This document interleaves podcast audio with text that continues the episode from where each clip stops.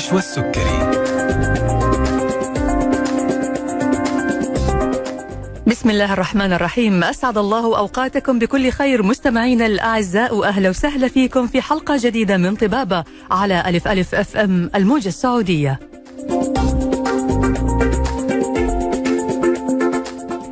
يسعدنا نحن نكون معكم على الهواء مباشرة عبر أثير إذاعتنا ألف ألف ولمدة ساعة. ابتداء من الآن وإلى الساعة 2 بعد الظهر وحوار طبي جديد موضوع طبي جديد مع ضيف مميز من ضيوف برنامج طبابة.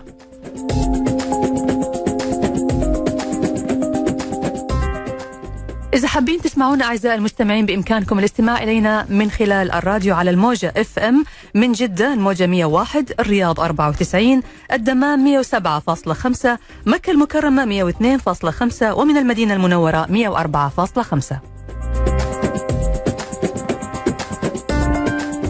كمان بإمكانكم الاستماع إلى البث المباشر للبرنامج وللإذاعة بشكل عام من خلال موقعنا على الإنترنت ألف ألف FM dot com أو من خلال تحميل تطبيق ألف ألف dot com والاستماع إلى البث المباشر والمشاركة معنا في جميع برامجنا.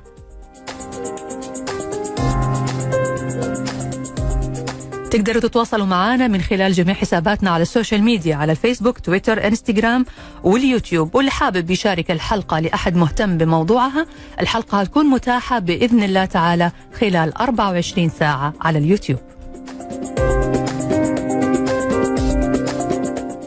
موضوعنا اليوم موضوع مهم. موضوع يعني لابد إنه إحنا كلنا ننتبه له نتعامل معاه بشكل آه، يعني دقيق. نتكلم اليوم عن جرثومة المعدة والطفيليات اللي بتصيب جسم الإنسان. يعني جرثومة المعدة أو الجرثومة الحلزونية بتصيب عدد كبير من الأشخاص على مستوى العالم نتيجة تناول الأطعمة والمشروبات غير النظيفة. ونتيجة الإصابة بتسبب جرثومة المعدة التهاب بالمعدة والعديد من الأعراض اللي بيعاني منها الإنسان واللي تزيد بمرور الوقت وقد تكون هذه الأعراض سبب بالإصابة بمضاعفات خطيرة لا قدر الله. ما هي أعراض الإصابة بجرثومة المعده؟ لماذا قد تعود مرة أخرى بعد أخذ العلاج؟ هل هي بالفعل تعود مرة أخرى؟ كيف يمكن الوقاية منها وما هي الطفيليات الأخرى الخطيرة التي يمكن أن تصيب الإنسان؟ حلقتنا اليوم عن جرثومة المعده والطفيلات التي تصيب جسم الإنسان.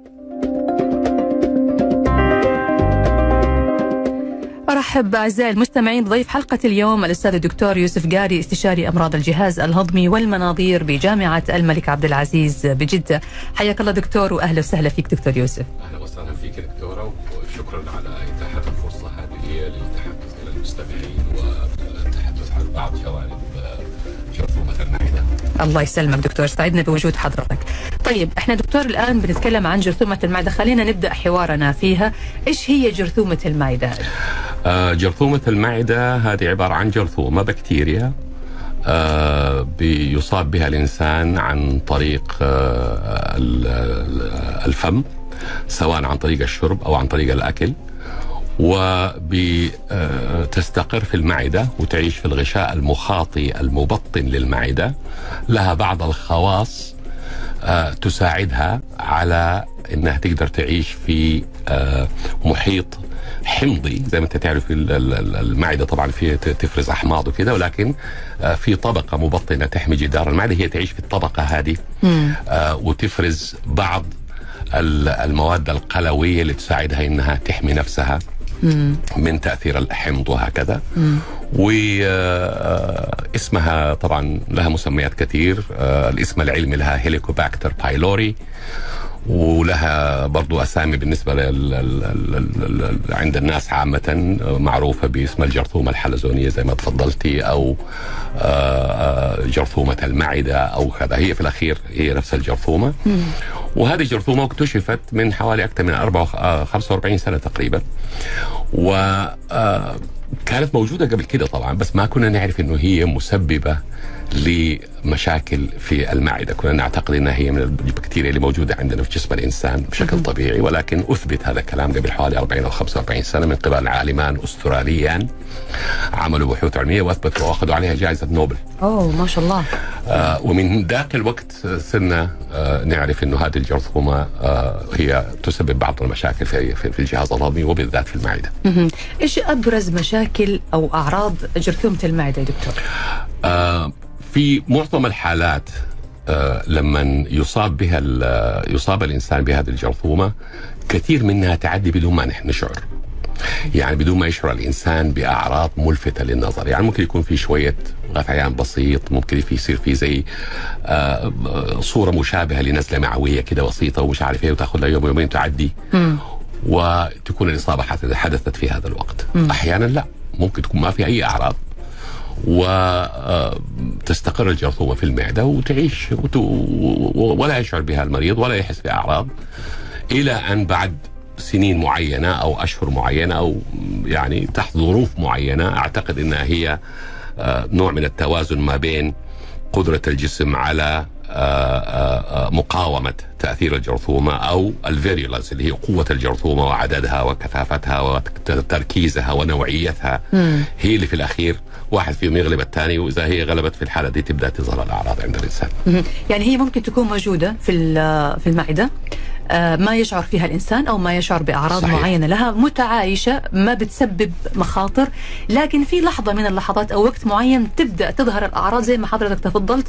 إنه يصير في نوع من عدم الاتزان طب مثل إيش يا دكتور إيش هي الحالات اللي ممكن تصير فتظهر أعراض الجرثومة اللي كانت أصلا موجودة في المعدة بدون ما يكون لها أي مشاكل صحيح آه يعني بنعرف من بعضها مثلا إنه آه في بعض الأدوية إذا استعملناها اللي هي نسميها non-steroidals اللي هي الأدوية المسكنات حقت للالام لآلام الجسم زي دواء اسمه فولتارين بروفين معروف الأدوية هذه بيستعملوها كثير. أحيانا تدي أعراض وتخلي الجرثومة هذه يمكن يعني تبدأ تأثر على المعدة بشكل ما لأنه الأدوية دي أساسا من الأدوية دي ممكن تعمل التهابات في المعدة. فكأنها أدت فرصة للجرثومة هذه إنها هي تظهر نفسها أكثر وتبدأ تدي أعراض. آه آه لكن الأكثرية الحقيقة ما نعرف ليش. ليش بالضبط؟ أو إيش الشيء اللي يصير؟ وتبدأ الجرثومة هذه تبدأ تديني أعراض وتبدأ تديني مشاكل وتبدأ تديني يعني تخلي المريض يروح للدكتور ويقول له أنا بشتكي من معدتي. إيش يا دكتور الأعراض بالضبط اللي بتظهر عند المريض؟ اللي تخليه يلجأ إلى الطبيب؟ طبعا معظمها تكون أعراض لها علاقة بالجهاز الهضمي العلوي اللي هو المعدة بالذات، مم. يعني المريض ممكن يشتكي من ألم في اعلى البطن، آه يشتكي من آه إحساس بالتجشع الزايد آه وإحساس بمثلا آه غثيان في بعض الأحيان. آه انتفاخات مثلا انتفاخات ممكن إلى حد ما آه بس أكثر شيء العرض الأساسي لالتهابات المعدة وقرحة المعدة اللي هي تعتبر المشكلة الأساسية من الجرثومه دي تيجي على شكل ألم. مم. ألم في منطقة المعدة آه هو ده اللي يخلي المريض يروح للطبيب في العادة ويشتكي من الموضوع ده. مم. تمام. طيب عملية التشخيص يا دكتور كيف بتتم؟ إذا سمحتي لي حقول لك عليها دي بس في نقطة أحب إني أوضحها كثير لأنها جدا مهمة برضو فيما يخص الأعراض الأعراض الخاصة بالجهاز الهضمي العلوي. عندنا مشكلتين أساسيتين. وهي. القرحة والتهابات المعدة وكذا. وفي حاجة نسميه الارتجاع مم. أو ارتجاع المريء. مم. ارتجاع المريء برضه يدي ألم بس يدي حموضة أكثر ويدي إحساس بأنه الأكل كأنه بيرتد على فوق. مم. الارتجاع ك كعلة مرضية ليس له علاقة بالجرثومة. هذه حاجة عضوية. إيه. في شيء mec... mechanical بيخلي الحمض هذا يطلع لأسفل المريء ويبدأ يديني أعراض. فالجرثومة هنا ما لها علاقة بالقضية هذه. بريئة منها. وهنا وهنا تحصل المشكلة في بعض الأحيان؟ مم.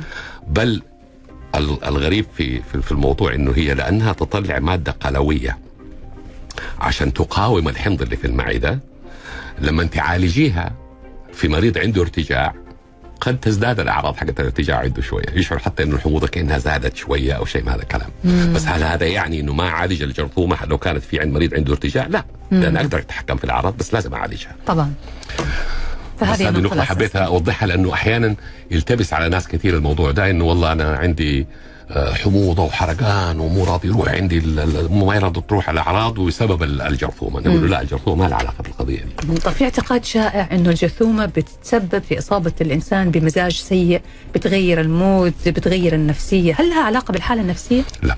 ما لها علاقة. وهذه هذه نقطة يعني كويس إنك أثرتيها لأنها بالفعل آه، يعني آه، الفكرة هذه سائدة شوية عند بعض الناس مم. وأنا أشوفها في العيادة أحيانا كثير يجيني المريض يقول لي أنا دكتور مزاجي مو رايق واحس إني طفشان متوتر مش عارف إيش ومعاناتي مع الجرثومة هذه سنين طويلة ومش عارف إيه. أقول له ما, ما- دخل الجرثومة في الأعراض هذه. ما في علاقة أسباب بينهم. أخرى للنفسية صحيح. ممتاز. حلقتنا مستمرة معك دكتور يوسف قاري استشاري أمراض الجهاز الهضمي والمناظير بجامعة الملك عبد العزيز بجدة. حنطلع دكتور فاصل قصير ونرجع بعد ونكمل حوارنا. نستقبل اتصالاتكم أعزائي المستمعين على هاتف البرنامج 012 61 61 100 ورسائلكم على واتس البرنامج 055 66 89 01 موضوعنا اليوم عن جرثومة المعدة والطفيلي الطفيليات اللي بتصيب جسم الإنسان. فاصل وراجعين.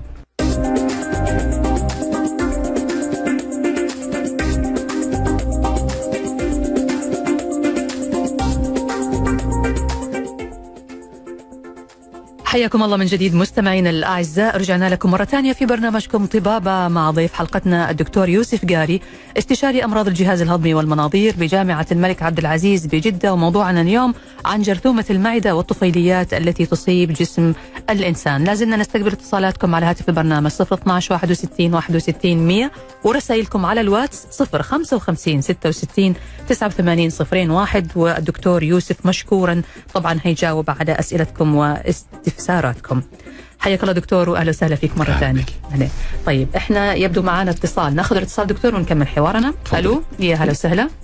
ألو السلام عليكم. عليكم السلام ورحمة الله. تفضل أخوي مين معي؟ آه، معك عبد العزيز الحميد تفضل. آه، الله يعافيك أبغى استفسر بس للدكتور ليه تفضل. آه، يزيد فضلك آه، بخصوص الدكتور آه، الانتفاخات. في البطن و- و- وكثرة آه، الغازات في البطن. هذه من اثر الجرثومة أنا سبق وجتني جرثومة. طيب. تفضل دكتور لو في سؤال أو استفسار. أيوه فعلا. آه، إذا الواحد يشتكي بعض الأحيان من انتفاخات في أعلى البطن آه، هذه من إحدى من إحدى آه، الأعراض اللي ممكن تكون ناتجة من من جرثومة المعدة ولكن في أسباب أخرى كثير غيرها طبعا. يقول لي دكتور سبق سبق وجاته قبل كذا. طب أنت تعالجت منها أخ عبد العزيز؟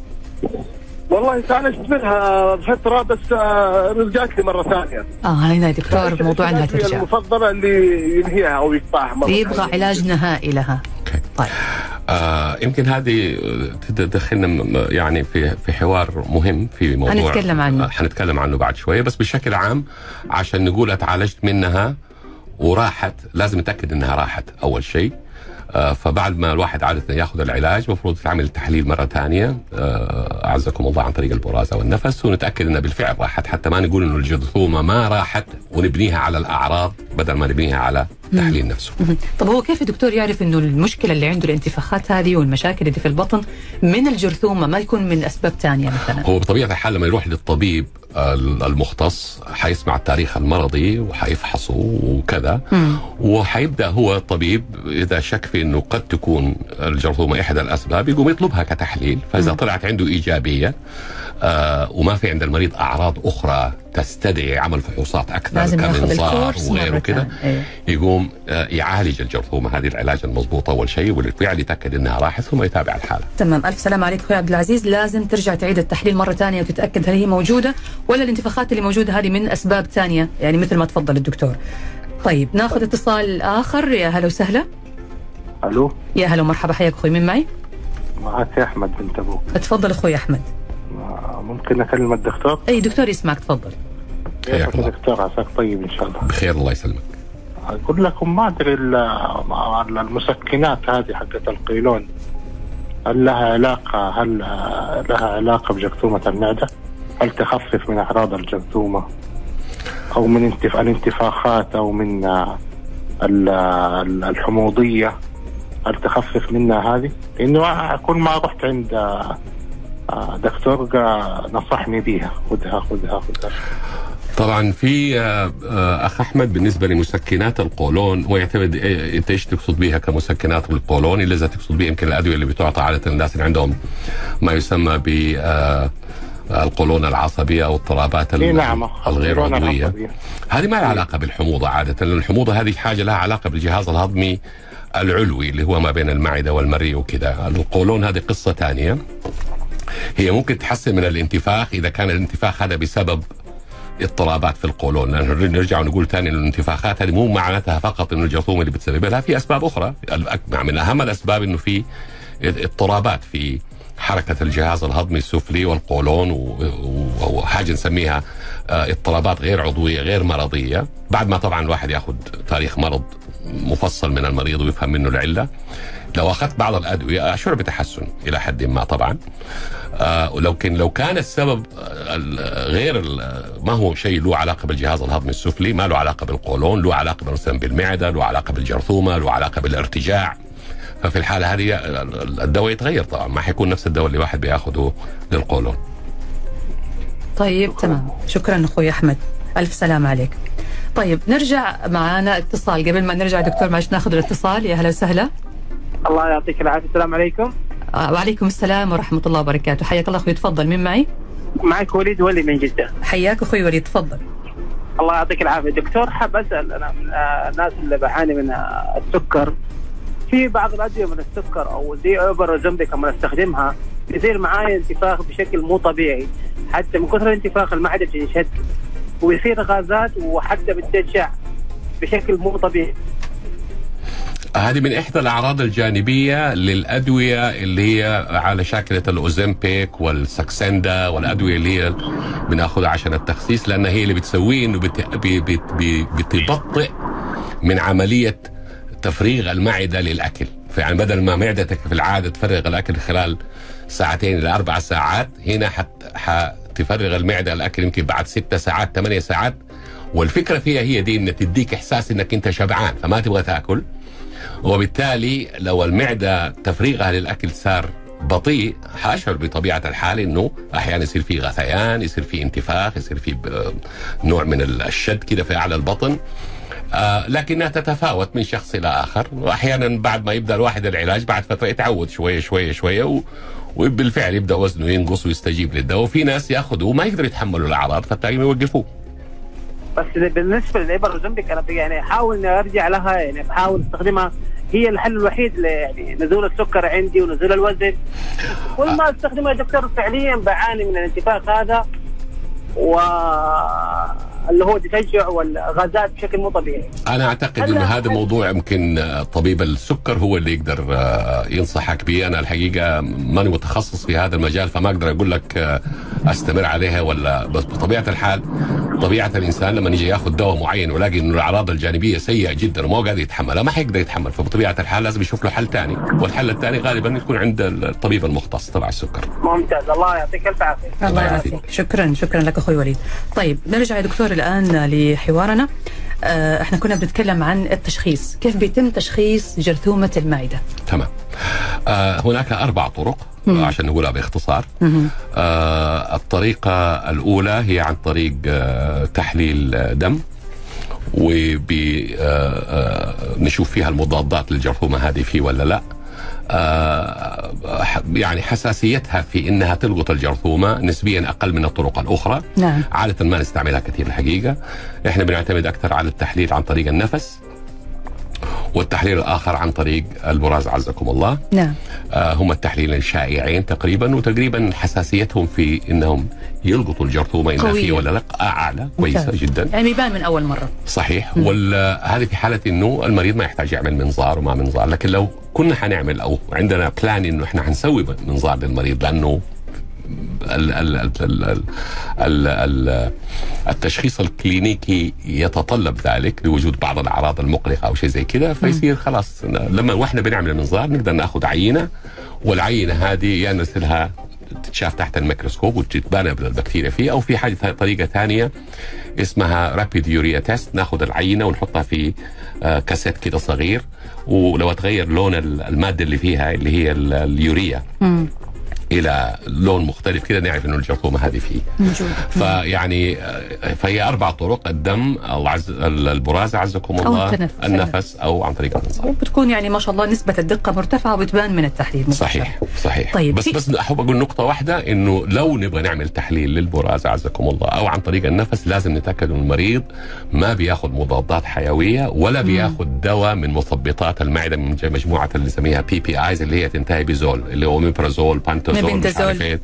أيوه ما يكون بياخذ الأدوية هذه لمدة يعني عشان تكون very safe كده شهر. عشان هذا ممكن يأثر على النتيجة. صح لأنه ممكن. تديني نتيجة مغلوطة إنه الجرثومة ما في بينما هي قد تكون. تكون موجود نعم. طيب خطة العلاج. حضرتك أكدت يعني أنه لازم تعالج بشكل صحيح وياخذ الكورس كامل علشان نضمن العلاج المضبوط وعدم العودة. صحيح. كيف بيكون العلاج؟ العلاج آه، طبعا على مدار السنين الطويلة هذه آه، صارت في آه، كورسات كده مختلفة أو ريجيمنز مختلفة من مضادات حيوية معينة عملت عليها الدراسات على مدار السنين الطويلة هذه. إحنا لفترة طويلة من الزمن آه، كنا بنعالج المرضى بما يسمى بالعلاج الثلاثي.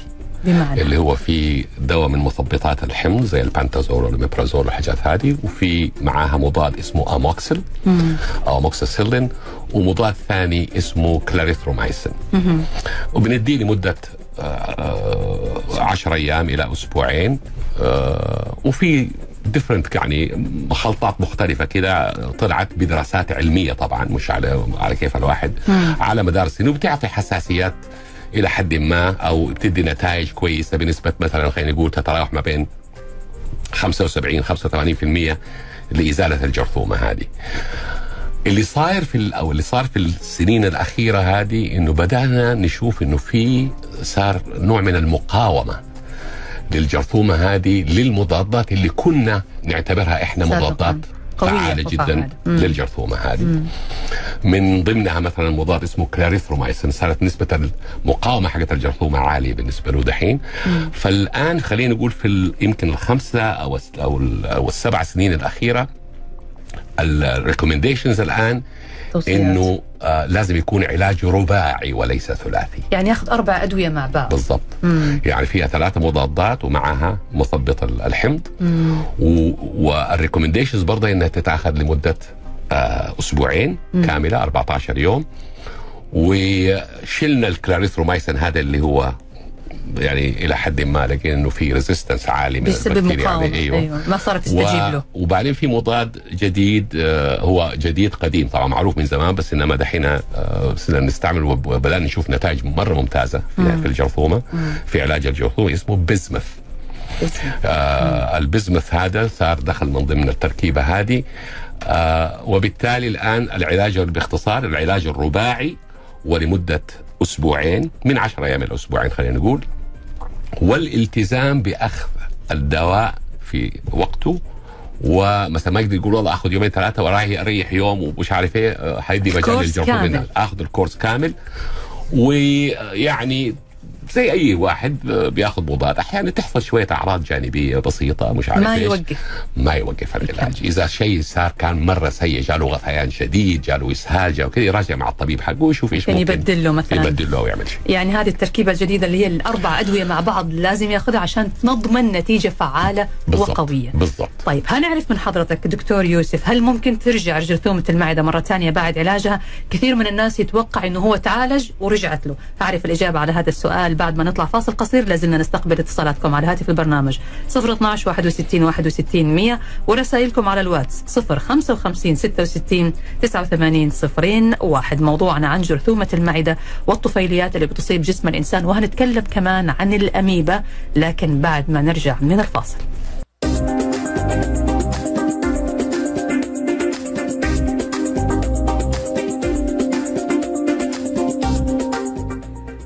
ورجعنا لكم مرة ثانية مستمعينا الأعزاء في برنامج طبابة على ألف ألف أف أم ومع ضيف حلقتنا الدكتور يوسف قاري استشاري أمراض الجهاز الهضمي والمناظير بجامعة الملك عبد العزيز بجدة وموضوعنا اليوم عن جرثومة المعدة والطفيليات اللي بتصيب الإنسان مثل الأميبا. آه، طبعا نزلنا نستقبل اتصالاتكم على هاتف البرنامج 012 61 61 100 ورسائلكم على الواتس 0 55 66 89 صفرين واحد ارحب فيك دكتور يوسف مره ثانية واهلا وسهلا فيك أهلا وسهلا بك طيب في معانا اتصال نقول ألو يا هلا وسهلا. السلام عليكم كيفك دكتورة؟ يا هلا ومرحبا حياك. وعليكم السلام تفضل. معك حسام قاسم من الدمام. حياك الله أخوي تفضل. الله يخليكي دكتورة. ممكن أسأل الدكتور عندي سؤالين بسيطات. أي أي تفضل. تفضل. إيه، السؤال الأول أنا عندي قولون عصبي. هل الانتفاخ والغازات وتكرم تعفن الأكل في الامعاء له دور؟ له دور في إيش؟ القولون العصبي. والسؤال الثاني إيه، تكرموا إنه بروح دوره المياه لاخراج ال- ال- البراز ما بطول يعني إذا أكلت هسه خلال عشر دقائق أو ربع ساعه بالكثير لازم أروح الحمام هل له دور ولا المضر هذا الشيء ولا عادي؟ من أعراض آه، من أعراض ال- ال- الاضطرابات القولون الغير عضوية اللي نسميه القولون العصبي إنه يشكو المريض أحيانا من انتفاخ من اضطراب في عملية الخروج من وجود زي كده مثلا واحد أحيانا يأكل ويروح الحمام عزكم الله بسرعة. آه هذه من أعراضها ولكن آه آه لابد إنه برضو آه آه يعني يكون تقييم أو تشخيص مبني على تاريخ مرضي متكامل وفحص سريري متكامل وبعدين مع بعض الفحوصات البسيطة جدا يقدر الطبيب إن شاء الله يحدد إيه هي العلة بالضبط ويعالجك على أساسها. عفوا دكتور يعمل لي فحص البراز مثلا أيوه نعم من ضمنها نعم. آه طيب تعفن الأكل في الأمعاء هل له دور من ال- القولون؟ آه ما في حاجة اسمها تعفن الأكل في الأمعاء. تكرم دكتور له رئة كريهه يعني ما بعرف هذه هذه هذه لها علاقة أحيانا. إيوه لها علاقة بحاجتين. الحاجة الأولى ب آه، آه، يعني آه، عملية آه، دخول دورة ال- المياه لل- للإخراج مثلا. إذا تأخرت في بعض الأحيان آه، ممكن تدي رائحة. أو إذا كان مثلا نوعية البكتيريا اللي موجودة آه، في الأمعاء من النوع اللي بعضها بعض أنواعها ممكن يؤدي إلى هذا الشيء. طيب ال- الخروج السريع للبراز ما له ضرر ولا عادي؟ عفوا ال... الخروج السريع للبراز لا، ما- لا،؟ هذا- هذا من عادي إحدى- هذا ولا في ضرر؟ إيه لا هذه من إحدى آه، آه، أعراض الاضطرابات اضطرابات القولون من إحدى أعراض اضطرابات القولون بس ما عنده ضرر يعني عادي آه آه، ما عنده ضرر إذا كان تم تشخيص الحالة صحيح من قبل الطبيب نعم أها طيب ألف سلام عليك أخوي وشكرا لمشاركتك وإن شاء الله تكون استفدت من آه، يعني السؤال أخذت الإجابة اللي كنت تحتاجها. طيب علشان وقت البرنامج يا دكتور آه، نرجع الآن لمحاورنا. كنا نقول هل ممكن بعد أخذ العلاج إنه الجرثومة ترجع مرة ثانية؟ كثير ناس يقول لك أنا تعالجت بس رجعت لي مرة ثانية. أيوه. طيب أنا اللي أنا أعتقده إنه من الصعب الإجابة على هذا السؤال إذا لم نتأكد أساسا إنه الجرثومة راحت. وبالتالي آه زمان كنا نقول إنه آه مو كل واحد لازم آه يتأكد إنه الجرثومة راحت ولا لا. آه بمعنى إنه إذا أخذ العلاج وتحسنت حالته والأعراض اختفت فهذا دليل على إنه في الغالب إنها الجرثومة تكون راحت. لكن اللي اللي وجدناه الآن إنه آه لأنه نسبة ال ال ال ال ال ال النجاح في التخلص من الجرثومة في في في أفضل الأدوية الان يصل إلى حوالي تقريبا 92% مم. اذا هناك في نسبة من المرضى ياخذوا العلاج بس ما تروح الجرثومة ما تختفي تماما ف ولأنه وجودها على المدى البعيد واستمرار وجودها آه قد تكون له تبعيات مثلا مضاعفات مستقبلية إحنا الآن ال recommendations إنه بعد ما نعالج الجرثومة لازم نتأكد إنها راحت ونعمل تحليل عن طريق البراز عزكم الله زي ما قلنا أو عن طريق النفس بس في فترة يعني أكون أنا انتهيت من علاج الجرثومة وأقعد فترة كده ما بأخذ أي أدوية لا مضادات ولا أدوية للمعدة. بالذات مجموعه ال PPI هذه. يمكن أقدر آخذ أدوية ثانية زي الاتش 2 بلوكر زي الرانيتيدين وحاجات. في بعض الأدوية يقدر المريض إذا ما يتحمل يقدر يأخذها وما تأثر عن نتيجة تحليل الجرثومة. تمام. لكن الأكثرية يوقفوا الدواء وبعد كده بعد شهر يعيدوا التحليل عشان يتأكد إنه فعلا راحت. الآن لو راحت. واختفت تماما احتمالية إنها ترجع مرة ثانية لنفس الشخص آه، أقل من 1% في السنة.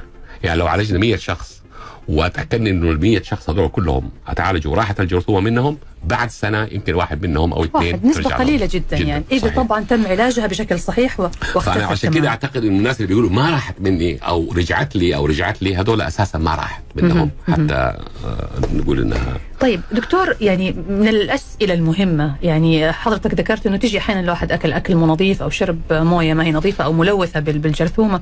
يعني غالبيتنا دكتور بنحرص على إنه ناكل أكيد أكل نظيف ونهتم بالنظافة وكذا. من فين بتيجي جرثومة المعده إحنا أول شيء اتفقنا انه هي تيجي عن طريق الفم. مم. وعن طريق سواء سوائل سواء آه، آه، آه، أكل. وبما إنها بكتيريا بطبيعه الحال الأكل النظيف والأكل ال- وال- يعني الواحد ينتبه إنه مثلا ما يشرب من وراء أحد ولا مش عارف إيه ولا نفس الكاسة ولا نفس الملعقة ولا نفس المش عارف إيه. نحاول نعمل هذه ال- ال- الاحتياطات قدر المستطاع ولكن وجدنا إنه برضو بالرغم من ذلك بتحدث. بتحصل الإصابة. مم. وما عزلنا الج- ما قدرنا نعزل الجرثومة دي خارج جسم الإنسان في مواد غذائية أو في مشروبات معينة أو شيء زي كده. فمن الصعب. آه لأن هي آه، نوعية معينة كده لها خواص معينة ب- ب- ب- ب- ب- بتكتشف آه، في في في المعدة بالطريقة اللي قلنا عليها. فبالتالي صح يعني ينصح قدر المستطاع إن الواحد ينتبه ويأكل أكل نظيف ويتأكد إنه كل شيء مغسل وحاجة زي كده. لكن ما نقدر برضه نقول إذا سوينا كده نضمن 100% إنه ما تحصل العدوى معدية يا دكتور. هي معدية. من شخص إلى آخر. معدية. يعني هي معدية ممكن من ال... ممكن معديه عن طريق مثلا السوائل. آه مو آه، أنا شربت حاجة وجاء واحد بعدي بس شرب من نفس الكاسة أو شيء زي كذا وممكن عن طريق ال آه لكن ما في ما في عدوى مباشره يعني مثلا أقعد مع فلان ولا أتكلم مع فلان ولا شيء وعنده الجرثومة تتنقل لي لا. طيب. لأن ما هي حاجة بتتنقل عن طريق النفس حاجة بتتنقل عن طريق الفم. طيب سؤال. لو الزوج مثلا مصاب بجرثومة ممكن المعده يعدي زوجته. ممكن يعدي زوجته. طب ممكن. لو هو مصاب بس ما عنده أعراض هل ممكن يعديها؟ آه ممكن يعديها بالضبط. ولأن ليش كمان؟ يعني وجدوا برضو إنه الجرثومة هذه قدروا يعزلوها في ال- ال- التجويف حق ما بين الأسنان. أوه. اي. فإذا هي موجودة. مم. أحيانا آه في في لفترة معينة أو شيء زي كده وممكن إنها تنتقل من الزوج إلى الزوجة أو العكس. ولو الزوج ما عنده أعراض وراحت للزوجة ممكن هي تروح لها وتديها أعراض. تظهر عندها هي الأعراض. اي مم. ممكن. فلانه إحنا نرجع للأساس قلنا هو اللي هو البالانس أو التوازن ما بين الشخص نفسه والمناعة اللي عنده ولا إيش العوامل العادة اللي إحنا ما نعرفها ممكن ما تكون التفاصيل؟ تكون الزوجة عندها يعني عدم التوازن هذا موجود فتظهر عندها عندها وما تظهر. عند زوجها. صحيح. طيب هناخذ الآن يعني أنا أبغى أقفل موضوع الجرثومة عشان ننتقل لموضوع الأميبا لأنه تمام. الأميبا من الطفيليات الشائعة اللي بتصيب عدد كبير من الناس صحيح. وأعراضها يمكن أخطر بكثير كمان من الجرثومة. آه، okay. أي إيش الأميبا يا دكتور؟ و- وإيش أعراضها؟ آه، انت اثرتي موضوع جدا مهم. مم. ال- الاميبا آه، تجي على صورتين. مم. تجي على شكل التهاب أو عد- عدوى حادة. بتنتقل برضو عن طريق ال- الأكل الملوث. وفي العادة تكون متح... نوع متحوصل ونوع نوعية معينة اسمها انتميبا هيستوليتيكا. آه ب... ب... ب... ب... آه تنتقل عن طريق ال... ال... ال- الأكل الملوث وتعيش هذه الأميبا المتحوصلة في الأمعاء. وأحيانا في خلال كم يوم تت...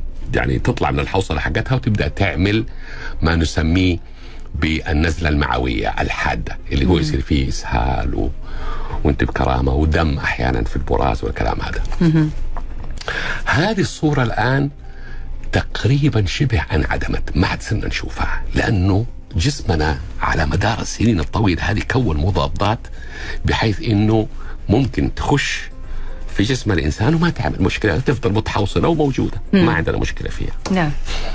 وفي النوع الثاني اللي هو آه، طبعا تصير يصير واحد حامل هذه الاميبا بشكل مزمن فموجودة دائما وفي النوع الثاني اللي هو موجودة وغير متحوصلة بس ما هي جاية على شكل نزلة معوية حادة وإنما موجودة وبتعمل التهابات في القولون على بشكل مزمن وممكن تؤدي إلى تقرحات واحيانا وحاجات زي كده. بس أكثر صورة بنشوفها إحنا هنا عن الاميبا اللي هي بتكتشف في تحليل البراز أكرمكم الله عند واحد جاي بيشتكي من مثلا خلينا نقول أعراض القولون العصبي مثلا عنده شوية إسهال عنده شوية آه، لخبطة. فهنا تيجي الخطورة في بعض الأحيان إنه لو كانت في أعراض أخرى غير حكاية شوية الألم زي مثلا نقصان الوزن زي وجود الدم في البراز زي وجود ال- آه، الام شديدة في البطن السن عامل السن يلعب دور ما يجوز إنه فقط أكتفي بتحليل الجرثومة أو طالع أقول والله في أميبا وبعدين آه، أقول له خلاص هذا التشخيص واضح خذ علاج الأميبا هذه وانتهت المشكلة. ليه؟ ليه؟ لأنه الأميبا ما تدي لها ما تدي نقصان في الوزن بهذا الشكل، ما تدي دم كثير، إحنا قلنا الدم يظهر متى؟ لما تكون في خرجت من يعني الحويصلات أيوه وبدت وتكون لا وتكون نزله معويه حادة أيوة. وقلنا هذا الشكل هذه الصورة هذه صارت نادرة جدا. بتشوفيها أكثر يمكن في الغرب. لأنه ما عندهم الاميبا هذه بشكل زي ما إحنا عندنا موجودة عندنا في الشرق آه الأوسط يعني بشكل إحنا من. كثرتها اكتسبت أجسامنا مناعه بالضبط مم. بالضبط. فتشوفيها برا في ال في ال في ال في الغرب أحيانا تشوفي الحالات اللي هي النزلات المعوية اللي ناتجه من الاميبا ال- ال- ال- اللي هو يسموها amoebic dysentery أو إيه، الديزنتريا ديزنتريا. الاميبيه إيه. هذه ما نشوفها إحنا كثير. عشان كده لما يجيني مريض أنا وعنده إسهال أكرمكم الله وعنده دم في البراز وعنده شيء زي كده حتى لو التحليل حقه بين انه عنده الاميبا لازم نكون حريصين إنه ما يكون في هناك تشخيص آخر. زي القولون التقرحي زي في عند كبار السن لا سمح الله اورام أو حاجات ممتاز. أنا أعرف من حضرتك كيف بيتم علاج الأميبا وهل هي حالة يتم التعايش معها ولا لا بد من علاجها والتخلص منها؟ لكن هنطلع فاصل نرجع بعد ونكمل حوارنا مع الأستاذ الدكتور يوسف قاري استشاري أمراض الجهاز الهضمي والمناظير بجامعة الملك عبد العزيز بجدة. ولا زلنا نستقبل أسئلتكم على الواتس 055 66 89 صفرين واحد فاصل وراجعين.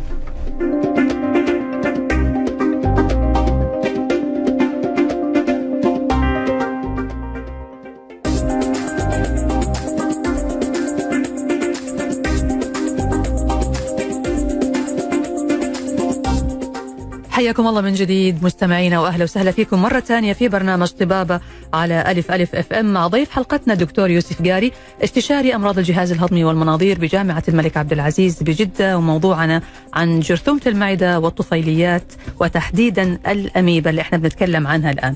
حياك الله دكتور مرة ثانية وأهلا وسهلا أهلا. بك دكتور. إحنا وصلنا للجزء الأخير من الحلقة. آه، قبل ما ناخذ أسئلة المستمعين دكتور في باقي عندنا كده بس يعني كم محور في موضوع الأميبا لازم برضو نتكلم عنها. آه، العلامات الخطيره التحذيرية اللي بت يعني تعتبر مؤشر خطر جدا لابد من الانتباه لها والتعامل معها بحرص جديد. شديد. آه آه وجود الدم آه في البراز المرئي يعني المريض يروح يشوف دم في البراز أعزكم الله. آه هذه من الحاجات اللي آه ما نقول والله هذه خلاص اميبا وانتهينا وتحليل البراز بين إنه في اميبا فاذا هي انتهت على إنها اميبا آه لأنه زي ما اتفقنا إنه ما عندنا الصورة هذه ما تيجي كثير عندنا اللي هي النزله الحادة الأميبية هذه.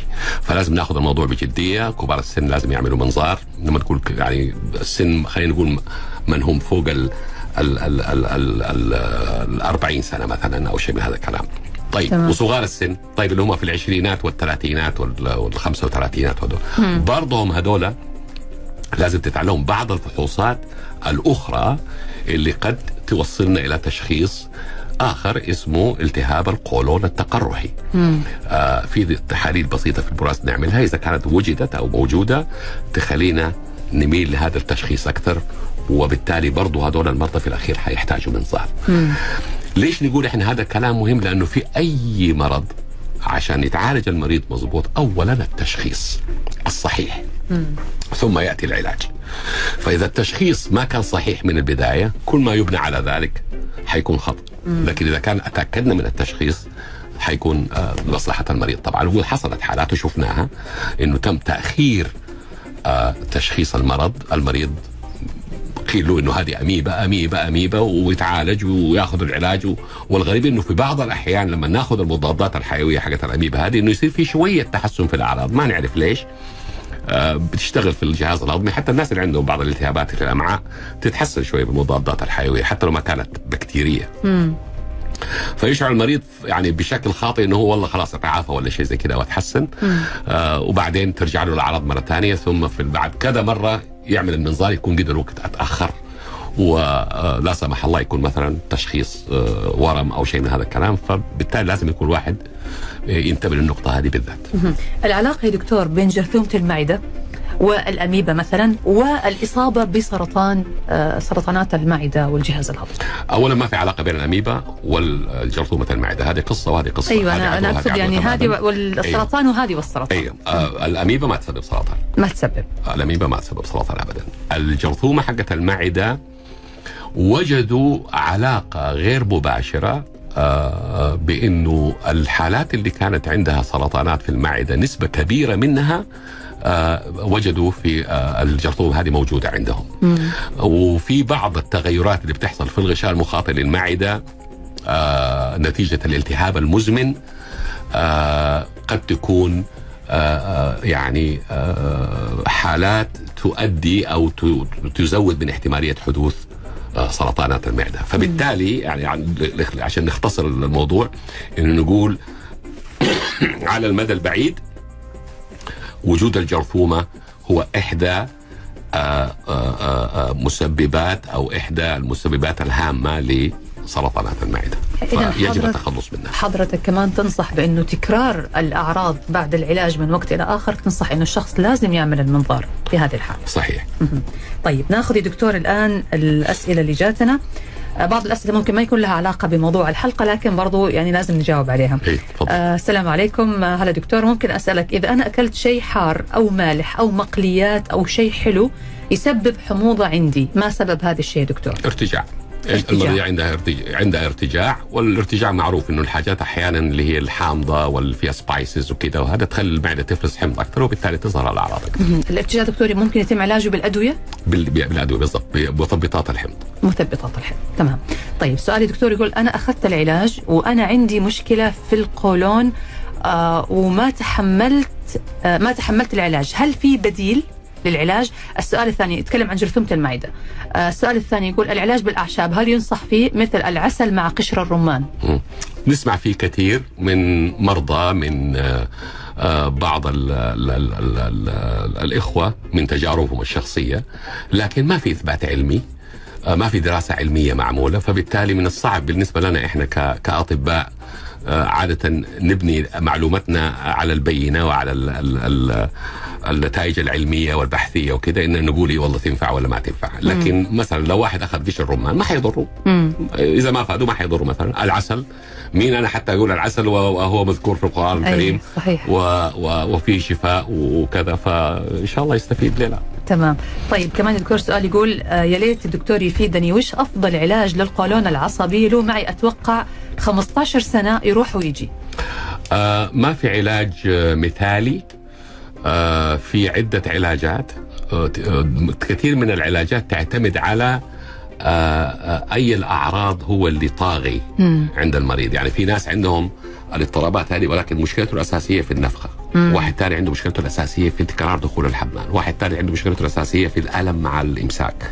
فإحنا لازم لما ناخذ التاريخ المرضي نعرف إيش الأعراض الأساسية وبعدين نستعمل الدواء المناسب. بناء على الأعراض اللي بيعاني منها. تمام. صحيح. سؤال برضو آخر يقول أنا عندي جرثومة المعدة وحموضة شديدة لدرجة إنه الحمض يرتفع وقت النوم. فيسبب لي كحة وانزعاج من الناس. طبعا اللي عايشين معه آه، إيش الحل؟ الحل دواء برضه اللي يتعالج. اللي هو لا إنه ياخذ الدواء حق مثبطات الحمض. طبعا آه، يعتمد إذا كان تاريخ مريض طويل ولا تاريخ مرضي قصير. عاد إذا كان مره تاريخ مرض طويل بعض الأحيان نلجأ نعمل منظار نشوف هل عنده فتاق ما عنده فتاق حاجة زي كذا. ولكن 90% من مرضى الارتجاع اللي عندهم ارتجاع وحبوط وكذا يمكن التحكم في الأعراض عن طريق الأدوية. بس أحي... لاحيان يقول أنا باخذ الدواء بس ما بتحسن بنقول له ما بتاخذ الجرعة المضبوطة الجرعة الم... أهم شيء والفترة الكاملة للكورس بالضبط. العلاجي بالضبط. طيب دكتور إذا أخذ الفترة يعني أخذ الدواء بالجرعة المضبوطة والفترة ال- المضبوطة تختفي الأعراض تختفي أثناء أخذ العلاج مم. لو وقف العلاج ومثلا عنده فم المعده فيها توسع أو في بعض العادات السيئة زي التدخين والشاي والأكل الملخبط وكميات كبيرة ومش عارف إيه وعايش حياته على قولك فاردها بالطول والعرض حترجع الاعراض. آه لو آه آه غير شوية في نمط الحياة وفي أسلوب أكله طريقة أكله خفف من الدخان بطل الشاي نقص له 5 6 كيلو أكل أكل صحي ما قام من السفرة هي في ناس وجبة واحدة وبسم الله ويقفل عليها وفي واحد ثاني لا ياخذ الصباح والظهر ولا يوزع الوجبات. فهذه نواحي مرة مهمة لاختفاء الأعراض. استمرينا عليها حترجع 100% يعني 80% من مرضى الارتجاع أعراضهم مزمنة مشكلتهم مزمنة. ياخذ الدواء 100 100 يوقف الدواء ترجع. ترجع مرة ثانية. طيب. سؤال كمان دكتور يقول آه، هذا الأخ مصطفى من الباحة يقول عندي سؤال عن جرثومة المعدة. ما هي أعراض الجرثومة وكيف أعرف إني تعالجت منها؟ قلنا قبل. شوية إنه أعراضها ما- أحيانا ما لها أعراض بت بت والأكثرية ما لها أعراض وإذا حصل أعراض حيبدأ يشتكي من ألم في معدته انتفاخات تجشع غثيان مش عارف إيش يروح يكشف إذا كانت موجودة يتعالج منها. طيب سؤال يقول المشروبات الغازية هل تسبب مشاكل في القولون؟ حسب آه بشكل عام آه طبعا في أضرار كثيرة منها. إحنا كنا بنقراها في النت وبتسمعوها وبتشوفوها ومش عارف إيش والكلام هذا كله من الحاجات اللي غير مستحبة والغير محببة. ولكن آه مو شرط إنه لو أنا أخذتها لازم تصير لي مشكلة يصير لي مشكلة في القولون أو شيء زي كذا. آه في ناس يأخذوا وما يصير لهم شيء في ناس يشربوا شوية يتعبوا. وما نفخوا أيوه. مين الناس يا دكتور الأفضل إنه ما ياخذ ما يشرب مشروبات غازية؟ كل الناس. كل الناس عنده شيء ما عنده شيء الأحسن صح. بلاش منها صح. طيب دكتور إذا في واحد اكتشف إنه عنده إصابة بجرثومه المعدة أو بدأ يأخذ العلاج هل حضرتك تنصح إنه كمان الأشخاص الملتصقين فيه جدا يعني أو القريبين منه مثلا لو زوجة هل تنصح إنه كمان زوجها يأخذ العلاج أو العكس زوج مصاب زوجته تأخذ العلاج لا آه إذا ما كان عندها أعراض امم في العادة ما نعمل تحليل. لكن لو هو جاء واشتكى واكتشفنا إنه عنده بعدين قال لي والله زوجتي كمان ترى عندها بعض المشاكل أها. وشيء نقوم نعمل لها تحليل الأول إيوه. وبعدين نعالج إذا إذا الأعراض. إذا كان موجود. أنا بشكرك جزيل الشكر الدكتور يوسف قاري استشاري أمراض الجهاز الهضمي والمناظير بجامعة الملك عبد العزيز بجدة. كل الشكر والتقدير لحضرتك دكتور يوسف. شرفتنا لك. يا دكتورة وبالعكس شر شر يعني شرفتيني اليوم بان أنا شاركت معاكم الله يسعدك. في شرفتنا ال- الإذاعة ال- ال- ال- ال- الرائعة هذه. تسلم يا دكتور ونتمنى لكم التوفيق دائما وإن شاء الله نكون يعني كنا ضيوف الحلقة كده خفيفي الظل وادينا بعض الحاجات المعلومات المهمة اللي عن جرثومة المعده شكرا الله لك يسلمك. شكرا لك دكتور يوسف والشكر لكم أنتم أيضا مستمعينا الأعزاء. نلقاكم على خير بإذن الله تعالى. انتظرونا غدا حلقة جديدة موضوع طبي جديد وضيف جديد من ضيوفنا في برنامج طبابة تقبلوا تحياتي أنا نشوى السكري ومخرج هذه الحلقة خالد القايدي في حفظ الله ورعايته.